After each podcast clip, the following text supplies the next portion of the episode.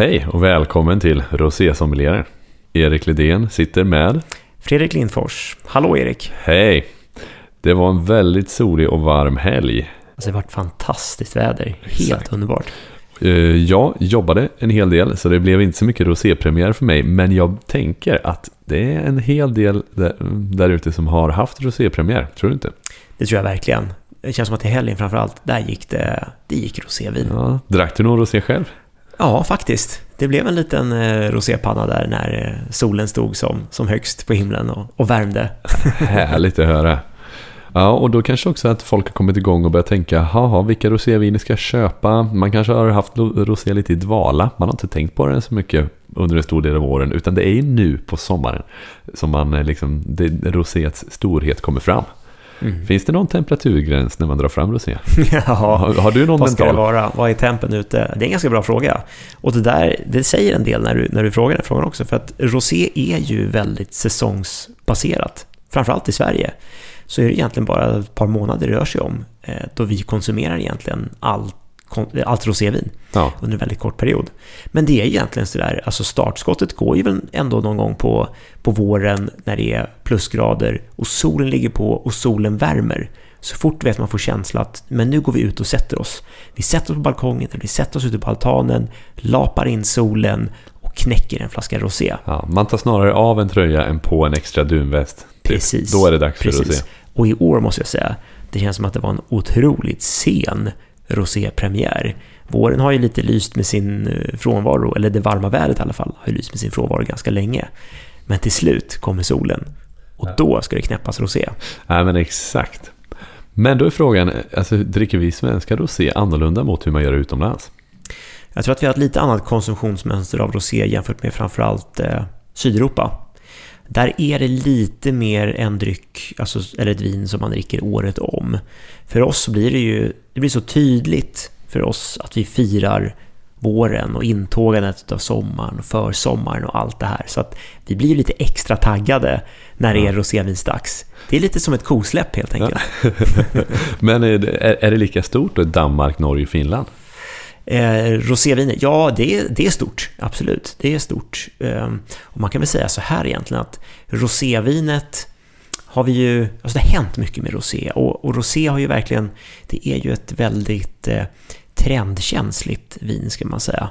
Alltså backar vi bandet för en sådär 15 plus år sedan så man pratade rosé så tänkte man att det var riktiga sådana här tutti frutti eh, oseriösa viner som ja, var billiga, billigt roséplonk helt enkelt. Men sen började det där någonstans att folk började få upp ögonen för lite mer kvalitativa roséer också. Och där kom Provence, ursprunget Provence ifrån södra Frankrike, eh, gjorde ju ett jättegenomslag med sina roséer. Och anledningen till att de blev så himla populära var just det att eh, deras stil som de gör, de fokuserar ju väldigt mycket på rosé. Alltså typ 90% av vinproduktionen i Provence är rosévin. Oj, Så det är egentligen den enda vinregionen i världen som fokuserar på rosé i första hand. men det känns ju väldigt elegant och liksom Nice, capital of rosé. Det är det. Och- Och det passar Exakt. ju där nere. Det passar ju perfekt, Gud, hur ja. bra som helst. Nej men det är ju så, annars om man dricker, du hittar ju roséviner egentligen överallt i världen skulle man kunna säga. Men det som är nyckeln någonstans med, med Provence är ju som sagt att de bara fokuserar på, eller största delen fokuserar på just rosévin. Annars så brukar ju rosévin vara en, alltså den här gamla stilen som jag pratade om, en, en biprodukt vid rödvinsmakning. Eh, och det är faktiskt en teknik att producera rosévin på. Den kallas för saigné. Alltså ett franskt ord för att blöda av, bleed off. Alltså att man, eh, man tar in sina blå druvsorter, man krossar druvorna så att juicen, man, man, man frigör juicen ifrån druvskalen. Och sen så direkt så eh, tappar man av en del av juicen för att kunna göra ett mer koncentrerat rött vin. För då har du ju större ratio druvskal mot juice, då får du mer färg och mer tannin. Och sen kan du också producera en biprodukt som är ett rosévin då helt enkelt. Ah. Så det är Sagné-metoden. Och det behöver inte vara en, ett dåligt sätt att göra det på, utan det har snarare att göra med druvkvaliteten. Alltid vad det är för kvalitet på druvor som man plockar in i, i vineriet och, och vad man vinifierar för någonting egentligen. Ehm, men tittar man till, till eh, Provence till exempel, eh, där är den vanligaste metoden att man har en väldigt kort macerationstid. Alltså vi pratar om ett, eh, ett antal timmar där eh, druvskalen får ligga tillsammans med druvmusten. Oj, timmar? Ja, för när vi snackade Nebbiolo då var det typ så 20 dagar. Ja, men då är, precis, men då, då är det ju rött vin. Mm, ja, så nu tänker vi att nu ska vi göra ett, ett väldigt ljust, lätt eh, rosé. Och det är ju också Provence-stilen. De är ljusa. Och det här har varit en tumregel som jag har hört, eh, inte jag, jag som sommelier kanske inte håller med om det, men när man hör eh, andra konsumenter som kommer fram till det och säger så här, vet du vad, de bästa roséerna, de ska vara så ljust som möjligt. De ska vara så ljusa som man knappt ser att det är ett rosé. Ja, guilty as charged, exakt. Ja, men precis, och det där, det där har varit någon sorts kvalitetstecken för rosé. Frågar du mig så, så är det kanske inte alls det som avgör hög kvalitet av roséet, utan snarare en, en stil. Så kan det snarare vara då att Provence har fokuserat på att höja kvaliteten på sina roséer. Mm. De blev bättre. Bieffekten blir att folk tycker att ljusa roséer står för kvalitet. Ja. Men det är inte det ljusa i sig, utan det är att de har brytt sig om sina viner, sina gårdar. Det här gamla vanliga yes. som vi börjar lära oss är, nu. Precis, du är spot on ah. där. Alltså att Provence har varit så kvalitetsorienterat har att göra med att men för dem har ju roset varit nummer ett. Det är det de har fokuserat på. Till och med rött för dem ligger, ligger som nummer två. Ehm, trots att det är ett, ett alltså det är ju blå druvor som dominerar vingårdarna och då i huvudsak så tänker man så här, men vi producerar rosé. Ja, för det måste vi komma in på. Jag har inte en aning om vad som är i ett enda rosévin jag någonsin druckit. Jag har ingen aning om vad det är för druva. Mm. Nej, intressant, eller hur? Ja, men det är, det är egentligen är det skandal när jag börjar tänka på det nu. Ja, men det är samma sak där. Eh, sen framgår det inte alltid jätteofta på en flaska rosévin Nej, vad det är för druvsort. inte så mycket liksom. Varför, varför är det så? Ja, men jag tror att eh, i huvudsak så, så, är det, det som är viktigt någonstans är ju alltså vad det är för stil. Och där ser vi så här, återigen, jag pratar om färgen. Och jag menar, alla roséviner kommer ju i klara flaskor. Och du som konsument tittar ju ofta på hyllan på, på färgen och ser vad det är för Alltså hur ljus är den? Och sen går det gärna på någonting som är så ljust som möjligt. Ja, exakt. Så det har varit en sån devis som ja, jag tror folk har levt på rätt länge. Att ju ljusare, desto högre kvalitet. Ska vi se om vi kan eh, slå hål lite på den här under det här avsnittet.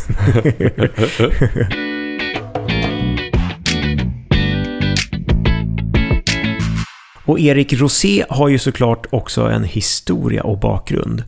Och eh, ganska intressant ändå tycker jag med, med just rosé. För det finns historiskt sett inget exakt bevis från när det första rosévinet producerades. Och det här har att göra med att eh, många viner faktiskt var roséer för en sådär 2000 år sedan. För att på den här tiden så hade man liksom inte riktigt koll på vad man har för druvsorter, man hade inte koll på de olika mikrobiologiska processerna, och vad jäsning var eller ens vad jäst var för någonting. Ehm, och eh, dessutom så, vinmakningen var ju väldigt rural, alltså det var ju med väldigt enkla medel som man producerade viner. Och vingårdarna var heller inte planerade eh, i, i, i alltså planterade i snygga rader och, och man hade liksom bundit upp det där på ett elegant sätt. Det var lite mer, det var vilt och så var det blandat med olika druvsorter och det kunde vara vitt och rött, alltså vita eller gröna druvsorter eh, bredvid blå druvsorter. Ehm, och det var, ja, helt enkelt på, på det sättet som, som inte var eh, likt som man gör idag när det är väldigt uppradat och väldigt exakt som man har i vingårdet. Eh, och eh, istället så, så samjäste man oftast alla druvsorter som man hade i vingården. Både gröna och blå, så man plockade in dem samtidigt och skördade in det här. Pressade dem och gjorde ett, eh, ett vin på det. Och det gjorde ju då också att vinet blev inte riktigt lika mörkt som du bara skulle göra ett rött vin till exempel på bara blå druvsorter. Så att det gjorde någon sorts ja, naturlig rosé skulle man kunna, kunna säga. Eh, och hur de smakade, det hade jag varit jättenyfiken att veta. Jag kan inte riktigt säga. Men man får läsa lite historiska dokument där det står de här vinerna. Och faktum är att eh, eh, just området kring Marseille, eh, alltså södra Frankrike och delarna som sen kom att bli eh, Provence, var ett sånt område som var jättekänt under romartiden för just sina ljus, lätt rosa färgade viner. Wow, så, så tra eh, traditionen går så långt tillbaka. Exakt. Det är, det är häftigt. Det är väldigt häftigt.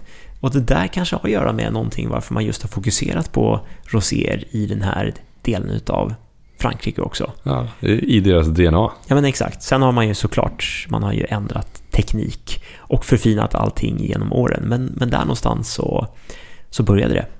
Okej, men Fredrik, vi måste bena ut det här med, du var inne på ljus versus mörk rosé. Ja. Skillnader i smak eh, och eh, om man nu inte bara kan gå på regeln att ljus rosé är godare. Vad är det vi vill åt i ett rosévin? Liksom? Eh, jag själv funderar på vad, vad vill jag åt?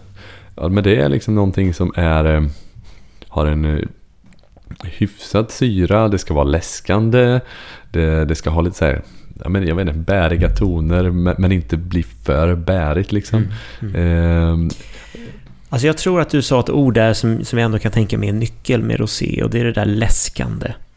Jag tror att det är en, det är en, en bra parameter för ett, ett, ett bra rosévin ska gärna vara läskande. För som vi tänker, vi vill ju dricka det under sommartid, när solen är ute och när det är varmt. Och vi dricker av den anledningen att det ska vara läskande för oss. Eh, och då är frågan så här, kan mörka roséviner vara läskande? Ja men exakt. Ja, ska vi ta reda på det här? Ja, men, gärna. ja. Nej, men I vanlig ordning så har jag tagit med mig två viner. Och eh, det blir lite olika stilar utav rosé. Så jag tänker att vi börjar med en traditionell Provence rosé som är ljus i färgen. Så att det här är Minuti Prestige som jag häller upp i ena glaset. Ja, och den är ju ordentligt ljus. Liksom. Den är ordentligt ljus. Eh, den har ändå lite färg. Det finns sådana här Provence-roséer som att de är så blekrosa så att när man hällt lite i glaset så kan man inte avgöra om det är varken vitt eller om det är rosé. men här kan man nog ändå se att ja, men det är nog faktiskt ett, eh, ett rosé. Och eh, ja, Miniti är en klassisk Provence-producent. Är det en svenskägd vingård? Nej. Eller är det bara en myt? Nej, den är inte svensk, nej, mm. den är inte svenskägd. Utan det, den är, den är fransk, eh, fransk ägo till 100%. Ehm, men det som, är, det som är grejen här också att eh, om vi pratar, tittar först på, på druvbländ när det kommer till, eh, till Provence så är det egentligen inga endruvsviner utan de gör i, till största del blends. Och druvsorten som dominerar är Grenache. Så Grenache är det i huvudsak i Provence roséer. Ah. Och sen så blandar man upp den med eh, diverse andra druvsorter som eh, Syrah, Sanso, eh, man, även i, man kan även i lite vita druvsorter, eh, druvsorten heter roll, eller Vermentino som italienarna kallar för, är rätt vanligt förekommande i, till en liten, liten del i, i Provence roséer också. Eh, men vi doftar väl på det här och ser vad vi tycker. Jag tycker att det är ett härligt vin som framförallt, det är ingen sån här det är ingen käftsmäll på näsan, det är inget vin som, som är superaromatiskt utan det finns en lite så nedtonad elegans och framförallt så domineras den av den här härliga, bäriga, rödfruktiga karaktären. Du får lite hallon, du får lite jordgubbar, det finns lite vita persikor, det finns en underton av en, en eh, melon, någonting lätt citrusaktigt också som kanske lite eh, citron, lite limezest. Och sen eh, smakmässigt Alltså det är friskt, men det är ingen skarp vass syra. Men det har fräschör. Det finns en liten eh, rondör i det här också. Alltså munkänslan är att det är en, kanske en lite lätt rikare textur utan att vara fet. Eh, och sen så har den ju verkligen den här Ja, det kanske är en sån här läskande bär-karaktär ja, som den har. Absolut. Eh, och avslutar på ett väldigt snyggt och väldigt elegant sätt, mm. skulle jag säga. Så det här är en typisk Provence Rosé. Det här är ju det som, som svenska folket verkligen har förälskats i. Det här är, det här är ju vår number one, eller go-to, eh, vinstil just när det kommer till roséer. Och vad säger du, skulle du poppa en flaska Provence Rosé sådär? Ja, alltså hundra gånger av hundra, absolut. Nej, men det, jag tycker verkligen det är jättegott. Och eh, som sagt, jag har inte haft min rosépremiär än, men eh, i helgen kommer det ske. För blir det. Ja, och, ja. Vi har någon sorts förpremiär för dig. Exakt, så det, ja, verkligen. Vi sitter inlåst i ett mörkt rum med fördragna gardiner och dricker rosé. Exakt. men det är väl helt okej okay det också. Nej, men och sen så kan man ju såklart också tänka matmässigt, för det måste vi egentligen alltid tänka när vi pratar om viner. Hur tänker man med rosé? Ja men exakt, för det är ju enkelt. Okej, okay, det här kör man som fördrink precis som den är, ja. bara i solen. Men vill man ha in den till maten liksom, mm. vad gör man, vad har man till? Mm. Det... Mm. Men det är en fråga som jag får ganska ofta av folk också. Så här, vad, vad, vad matchar man till rosé? Och sen hör man, det finns någon sorts regel jag också har hört av folk som säger så att det är, ja, men det är vitt till fisk och rött till kött och kan man inte välja tar man rosé. och eh, den är lite rolig. Men, men jag vet inte om jag ser det riktigt så, utan återigen, det finns så många stilar av rosé. Vi ska beröra två. Eh, och när vi tittar på den här lite ljusare stilen, tänk att, alltså, se den nästan som ett, ett vitt vin. Ja. Egentligen. För vi serverar på samma sätt som ett vitt vin. Det ska vara ordentligt svalt. Och jag tänker framförallt roséer i högsommarvärme när det är 25, 28, uppåt 30 grader varmt och du sitter i solen. De kommer bli varma jättefort. Så att här ska man nästan ha dem is, iskalla. Ja. Direkt när man plockar ut dem ur men kan, kylen Men kan man inte gå här på din gamla vanliga regel ändå? Det, det, det som växer, det ja. som är, alltså vad äter man i Provence? Det är väl det man dricker till Nej, men, Precis, helt rätt. Och jag tänker så här. Men jag vet inte vad man äter i Provence. Nej, men tänk salad niçoise. Det är väl perfekt. Eh, alltså en eh, typ av tonfisksallad. Eh, det är jätte, jättegott och väldigt somrigt ska jag säga också.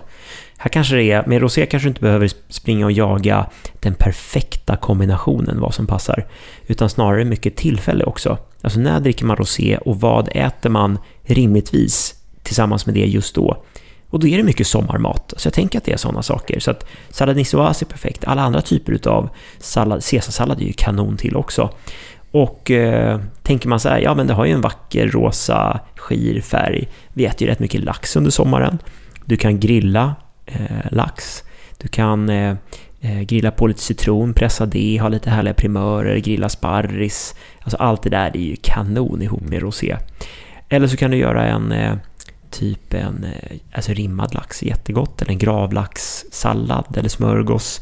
Eh, du hör, jag bara maler ja, på här. Eh, räksallad, räksmör, alltså det är, alltså, det här är kanon ihop med ja. rosé. Det blir jätte, jättegott. Så att det är mångsidigt. Men det här skillnaden på ljus och mörkt då? Mm. Kan, kan, du, kan du bara sätta spiken i kistan för alla ja. oss som undrar? Ja, men det, det är ju ganska, det här kommer ju bli, alltså för oss i alla fall som sitter här, för att tyvärr har vi ju ingen videopodd, man ser ju inte färgerna så, så tydligt när vi provar. Men, eh, men, men Provence-rosén är ju ljus. Nästa rosén jag har med är ju mörkerfärgen. Och eh, det jag har tagit med då är också en fransk rosé som heter Le Lozère Eh, som kommer från en appellation som heter Tavel.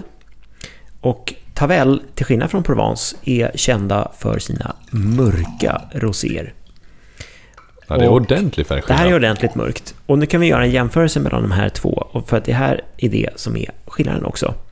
Eh, Minuti, Provence-rosén, den har eh, haft druvskalen som har legat tillsammans med musten i bara ett par timmar, alltså upp till max tre timmar, bara för att extrahera så lite färg som möjligt.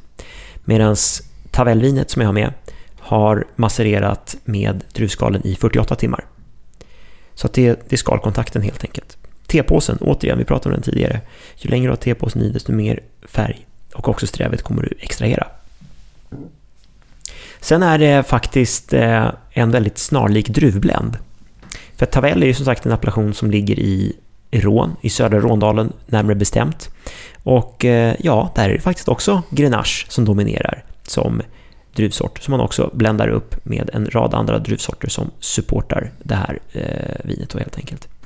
Men Erik, om jag säger så här, eh, lite dina fördomar nu då.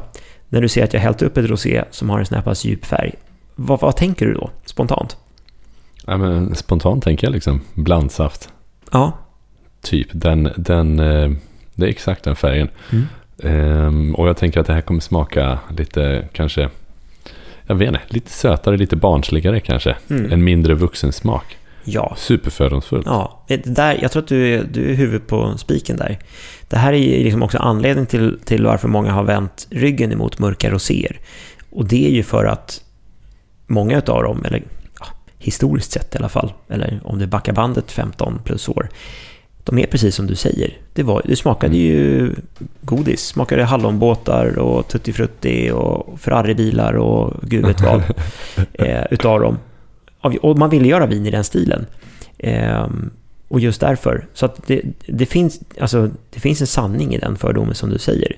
Men det är inte bara så. Ska vi eh, dofta lite på det här och se vad vi tycker och tänker? Bara för du sa Ferrari-bilen så är det allt jag letar efter. och precis så där fungerar hjärnan när man, när man eh, provar någonting. Utan då, då, då fokuserar man bara på den saken och det är det man känner. Men okej, det finns ju en, en uppenbar bärfruktskaraktär i det här också. Och den känns som att den är, jämfört med, med Provence Rosé, den är lite djupare. Här får du en, liksom en, ett mer djup, en kanske lite mer mörkare karaktär utav jordgubbar och utav, utav hallon. Ja, mer moget liksom. Mer ja, mognig jordgubbar. Ja, precis. Och sen samma sak här också. Det här är ingen... Alltså jag tycker i alla fall inte att det här är en tuttifrutti-frukt. Utan du får en djupare, rund, bärfruktig karaktär som inte känns... Den känns mogen men inte söt. Men, men det är inte riktigt samma citrus limezest-aktiga grej som man kände i Munutrin. Nej, kanske finns någonting som är lite kryddigt i det här istället. eh, För att det är citrustoner. Men eh, vi smakar, får vi se om det här är en sån här söt kalasbomb. Nej, det, det var det inte. Var det gott då? Nej, det var gott. Ja, härligt. Och jag håller med. Det, det som är skillnaden här, framförallt i, jämfört med Provencen, att det här är ett mycket fylligare vin. Man känner att det här finns mer generositet i det. Det finns mer fruktkaraktär, mer, mer liksom djupare fruktkaraktär återigen. Men framförallt, det fyller ut hela smakpaletten på ett annat sätt. Det finns en bredd, det finns en generositet. Det, finns, det är ett vin som det har längd, det sitter i. Eh, men det är en väldigt snygg, underbyggd, bärig eh, karaktär till det här roséet. Så det här är ett ytterst seriöst mörkt rosé. Och återigen, bara för att eh, eh, göra en liten jämförelse. Mina, när jag har pratat med mina sommelierkollegor från eh, sydligare breddgrader från vissa länder, framförallt jag vet jag har haft diskussioner med en del grekiska sommelierer, de ratar ju rakt av ljusa roséer. Det gillar de inte alls. Det ska vara mörka roséer. Är det sant? Ja, det är det som gäller där. Men, men så är det ju också. Vi pratade Ja. om trender förut. Trender, ja. Det är, där är en helt annan grej som gäller för, för kvalitet. Och här uppe för oss i Norden, vi tittar på det på ett, på ett helt annat sätt. Men jag har beställt ett rosé som är lite mörkt, som inte har kommit än, men jag köpte några flaskor av det här La Spinetta-rosén. Ja, just släpptes nu. Just det. Eh, ja, det, den är ju mörkare och det tog emot att klicka, men jag vet att det är en bra producent. Och då försöker jag tänka lite som Fredrik brukar ofta tänka, producent. Ja, bra. Rätt. då, då, så jag vågade mig på den. Det ska bli spännande att se hur den är. Ja. Eh, och samma sak här. Men det här jag tycker det här är en, eh, Tavellen är verkligen ett kanonvin. Eh, för inte särskilt mycket pengar och det är en helt annan grej utav rosé. Våga ta klivet ut och prova lite mörka roséer också. Tittar man på Systembolagshyllorna, de är ju fulla utav eh, blekrosa roséer. Det är kul att testa någonting som är lite annorlunda också. Ja, verkligen. Mm. Och sen tänker jag, för nu nämnde inte det, men, men eh, matmässigt också. Må, vad är skillnaden här? Mm. Ja, men här, framförallt, som jag sa, det finns mer fyllighet, det finns mer generositet. Vi kan också kliva upp lite mer i smakintensitetsmässigt.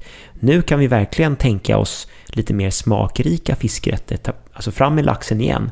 Skruva upp smakerna, skruva upp såserna, gör lite häftiga grejer. Man kanske gör en chimichurri eller någonting som har lite mer Ja, men lite mer vitlök, lite mer syra, lite, lite mer karaktär i sig. Det där är så. en så jäkla bra regel du kommer in med där. Exakt, skruva upp i förhållande till hur mycket vinet smakar. Mm. Så om du dricker minuty i början där, Mm. kanske bara till ingenting. Mm. Sen när du ska in på maten, har du då en mörkare?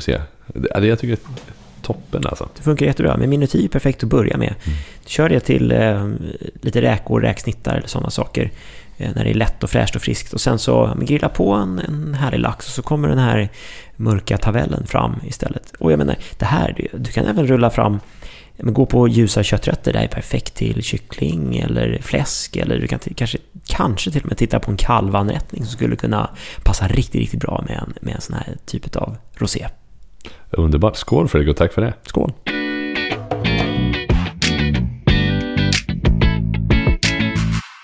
Okej Fredrik. Men du, du frågade faktiskt våra lyssnare på Instagram eh, om frågor och vi har fått in så mycket bra frågor.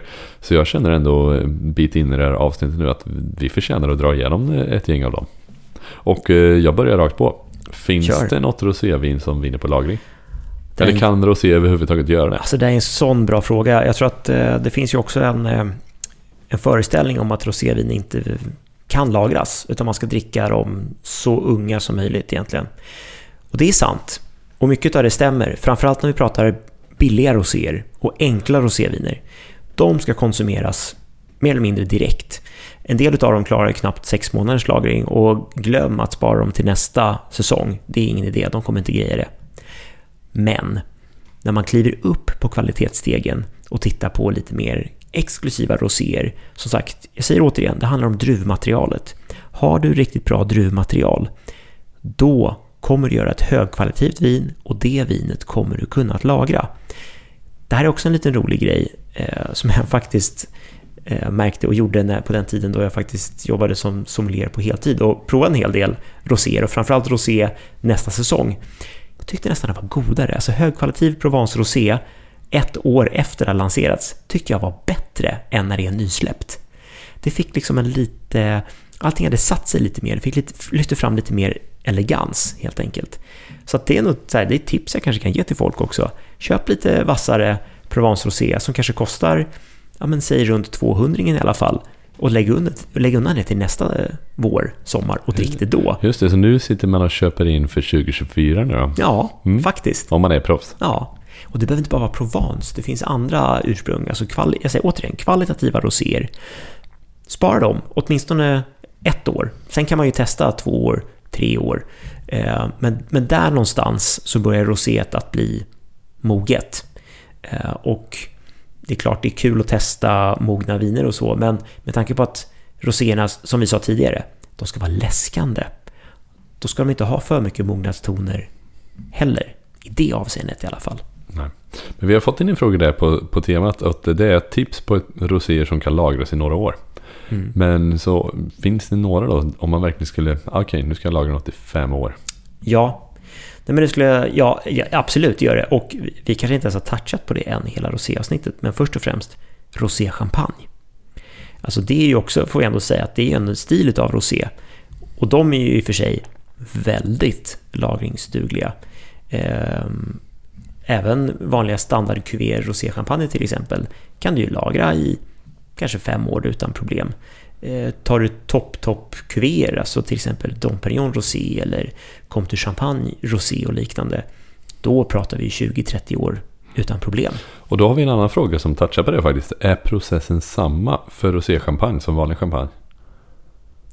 Eh, ja, eh, det blir ju en liten annan process och det här är faktiskt ganska intressant. Om jag frågar dig så här Erik, hur gör man rosé? Blandar man rött och vitt bara eller är det... Ja, exakt, det är det man trodde. Men, men det är väl det här med skalen då, att de ligger kvar och drar sig lite. Precis. Så är det man gör kvalitativ rosé i, i alla fall i hela Europa åtminstone.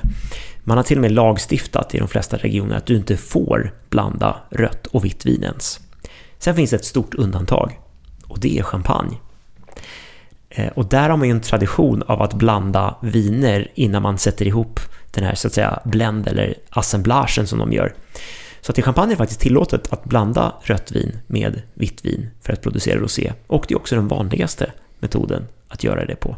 Okej, man lägger in en touch av rött liksom för ja. att få lite, lite Ja, djup, några procent rött vin och då måste det röda vinet komma ifrån champagne. Ja, såklart. Eh, för att, för att få vara champagne då, så att säga. Eh, men du kan också ha en kort maceration med, med blå druvor för att göra rosé champagne. Sen har vi fått en fråga till som är platser, orter som man gör rosé som är relativt vanliga men som man inte känner till. Mm. Spännande fråga. Jätte, Jättekul. Men jag skulle säga så här. Eh, först och främst tänker jag en, en vitvinsregion som, som är lite under radarn på rosé. Vi ser det lite grann, men, men som gör otroligt bra roséviner. Och enastående vita viner också, men det är Sancerre. Sancerre gör ju jätte, jättegoda roséer på Pinot Noir. De blir sådär härligt syrliga, friska, eh, lätta viner.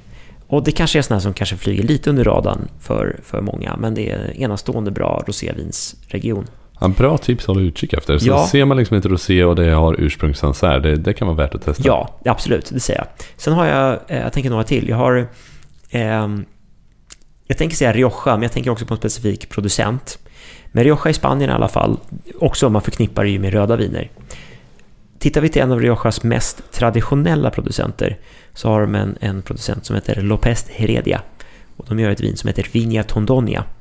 Det här är ett riktigt, riktigt häftigt vin. Både deras vita, även röda och dessutom rosé lagrar de i deras källare otroligt länge innan de släpps på marknaden. Så de sätter på marknaden ett rosé som är men förmodligen 10 år gammalt innan det är Alltså det är aktuell årgång som är 10 år, alltså vad är det nu då? 2023. Jag har faktiskt lite dålig koll på vilken som är aktuell årgång, men jag skulle kunna gissa mig att det är 2013 eh, som är typ, eller kanske är ännu äldre som är aktuell årgång. Och de ser inte alls ut som våra de här eh, laxrosa eller mer rosa-rosa pigga friska rosén, utan här går det ju mer mot lökskals, lite mer brun nyans nästan så i, i, i rosén. Och det är en helt annan grej. Det är ingen sådär fräsch fruktkaraktär och och där kände jag redan att jag börjar prata... Anar lite sherry. Jag tänkte säga du tror att det är sherry jag pratar om nu.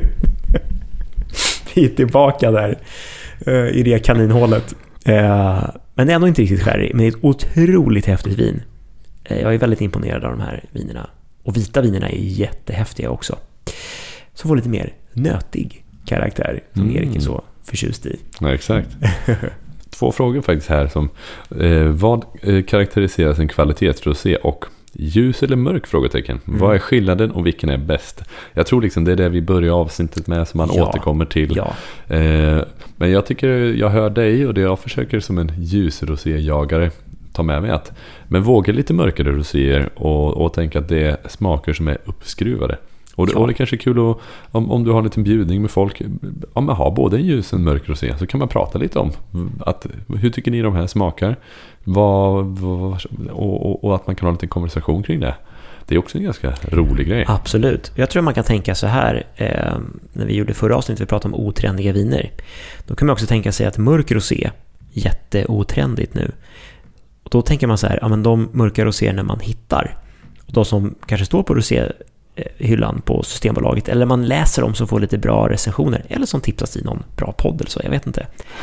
Det kanske är en riktigt bra mörk rosé, för annars skulle inte de kunna finnas på marknaden, för de skulle inte kunna sälja något vin. För att alla ska göra ljusa rosé nu, för att ja. det är trendigt. Nej men exakt. Men återigen med det här tips som lagras några år, det får du lägga ut på Insta. Du får ge några tips och lägga upp. Ja, absolut. Något konkret. I, så har vi betat av den frågan också. Yes. Eh, en fråga jag tycker är väldigt kul, vi, vi har touchat men ändå inte fått ett svar. Varför har rosé blivit så populärt i Sverige och när slog det igenom? Mm. Kan du ge mig något eh, årtal? Svårt att säga årtal exakt. Det kom väl lite småsmygande på något sätt. Drack man rosé när ABBA vann med Waterloo? Ja, tveksamt va. Då drack man ju snarare de här Matteus och Lancers och de här grejerna. Eh, de här Fotbolls-VM 94 drack man rosé. Ja, det gjorde man. Men återigen, jag tror att det var det, det, var det här billiga plonket som man drack. Som var sött och smakade tutti-frutti och kanske var lite lätt pärlande ibland. Eh, mer så. Men, eh, nej, men jag, det här är företeelser som kanske är 15, 15 mm, år tillbaka i tiden ska vi nog titta. Det är då kvalitativa roset i Sverige får sitt ja. Eh, genomslag. Snacka Lehman Brothers-kraschen då. Där, där någonstans. då, då man dricka Där tågade rosé in i Sverige. Absolut. Och det var Provence som gick i bräschen. För då, på 15 år sedan, att hitta rosé över 100 kronor, det fanns liksom inte. Mm. Och då, då började Provence sin resa och, och våga ta klivet över hundringen. Och um, då var konsumenterna redo för det och egentligen bara väntade på att det skulle komma bra rosé. Och sen, sen smällde det bara på. Och sen har rosé egentligen ökat eh, under många år. Nu har det kanske hittat sin position, var det är någonstans. Men det har haft en väldigt stadig ökning de senaste 15 åren. Jättekul. Kanske en liten avslutande fråga. Eh, vi har, alltså det är ganska många frågor kvar, men eh, vilken rosé är bäst för mig som inte har hittat rätt i rosédjungel? Ooh, det där är en, en riktigt bra fråga och det är härligt. Det låter som att du är en person som har testat mycket roséviner eh, och, och, där kan man alltid tänka sig, alltså det är mycket personlig preferens och återigen, det, det, är det här som jag ska göra med dig också, Erik. Vilken sherry ska du dricka för att tycka om sherry? Vi ska reda ut det också. Och då är frågan så här, men är, är, det, en, är det en vitvinsdrickande person eller en rödvinsdrickande person? Um, det, det, det, kanske är, antingen så går man i, i provar roséer som kanske drar mer och mer mot, mot ett friskt vitt vin, tänk Sancerre till exempel, som ligger ändå relativt snarlikt den vitvinsstilen, eh, så som roséet är. Eller helt enkelt så går man på de här mer högkvalitativa, eh, djupt färgade roséerna. Eller mitt bästa tips, i så fall, som inte kan gå fel, som vi pratade om tidigare, är roséchampagne. Ja. Enkelt, eller hur? Eller hur?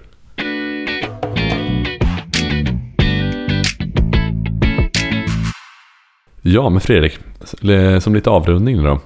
Det ska ju köpas in rosé. Jag framförallt ska, måste fylla på rosélagret för det är ju tomt. Mm. Och jag tar med mig att jag ska även titta på 2024 års rosé nu då. Men okej, okay. vad, vad, vad, ska vi köpa hem tycker du? Om man bara kollar på typ kommande släpp på systemet. Ja men precis. Vi surfar in i tillfälliga sortiment och tittar lite på vad som finns aktuellt här just nu och vad som dyker upp på hyllan den här veckan. Och högst upp ser vi här kommer ju La Spinetta, Il Rosé di Casanova. Eh, och det hade du köpt redan Erik, eller hur? Ja, det jag klivit ja, hem två ja. Ja, men det är starkt. Det är ett gott vin, måste jag säga. Eh, det är ett härligt rosé. Eh, verkligen noshörningsvinet som jag tror många skulle säga och identifiera det som. Ja men exakt, du, du håller till där i Lange eller Piemonte någonstans? Det här är faktiskt deras toskanska vineri. Ah. Det är vin Toscana också. Eh, precis, så det är Sangiovese-baserad eh, rosé. Okej, vad har vi mer då? Ska vi se. Här. Det här är ju en snackis tänker jag. Eh, Miraval. Känner du till det? Ja, men jag, jag har faktiskt hört det. Eh, det är någon kändis va? Ja, det är ju eh, Brad Pitt och tidigare Angelina Jolie som, som äger Miraval. Och det är familjen Perani från Chateauneuf du Pape som vinifierar vinerna, så det är ett topp, topp samarbete. Men nu kostar den 195 spänn. Alltså jag tror att de måste ha mycket cash till, till de här skilsmässoadvokaterna, för det här vinet har ju verkligen skenat i pris senaste tiden mot vad det kostat. Så att, eh, ja. Rätt påkostad flaska, det är snyggt. Det är det ju, alltså det är väldigt snygg presentation. Det får man ju ändå verkligen ge dem. Låga betyg på Systembolaget, sån där eko-grej med miljövänlig flaska. Den ja. ser liksom tung och exklusiv ut. Men exakt, exakt. Sen har vi ett vin här som jag tycker ser intressant ut, som jag inte provat, men heter Glupp Rosado. Glupp. Eh, som kommer från Chile, som är till största del pais. Eh, det ser härligt ut. Eh, jag blir väldigt intresserad av att prova det, så jag kanske måste köpa hem en sån här flaska. 159 spänn. Ja, men det är jag också i så fall. Ehm, det appellerar till mig. Det ser lite lekfullt ut. Ja. tycker jag är kul. Sen har du ju mer traditionella viner kanske. Och här kommer en, här kommer en liten eh, utropstecken, för det här är ett ganska billigt rosé som heter Trien, eh, som kommer ner från Provence också. Eh, men jag har sett att nu är det här klassat som IGP Mediterranée. Men det här är ju ett sånt också, ett, ett, ett Provence-stilat rosé. Men det är otroligt namnstarka vinmakare bakom det här. Bland annat så är det Aubert de Villain som har Romanée Conti i, i Bourgogne. Och en av hans grannar där eh, familjen, familjen Seis eh, från Domaine du Jacques eh, som gör det här vinet. Och det kostar 139 spänn. Eh, Då måste det vara ganska bra. Ja, men det är en kanon, kanonrosé i all sin enkelhet. Man ska ja. inte förvänta sig att det är ett stort vin på något sätt, utan det är en eh, läskande rosé i allra högsta grad.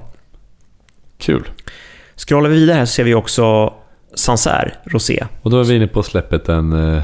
Precis, det här kommer ju 19 eh, i femte så, så är det här på kommande. Eh, och då ser vi Sancerre Le Baron Rosé från Henri Bourgeois.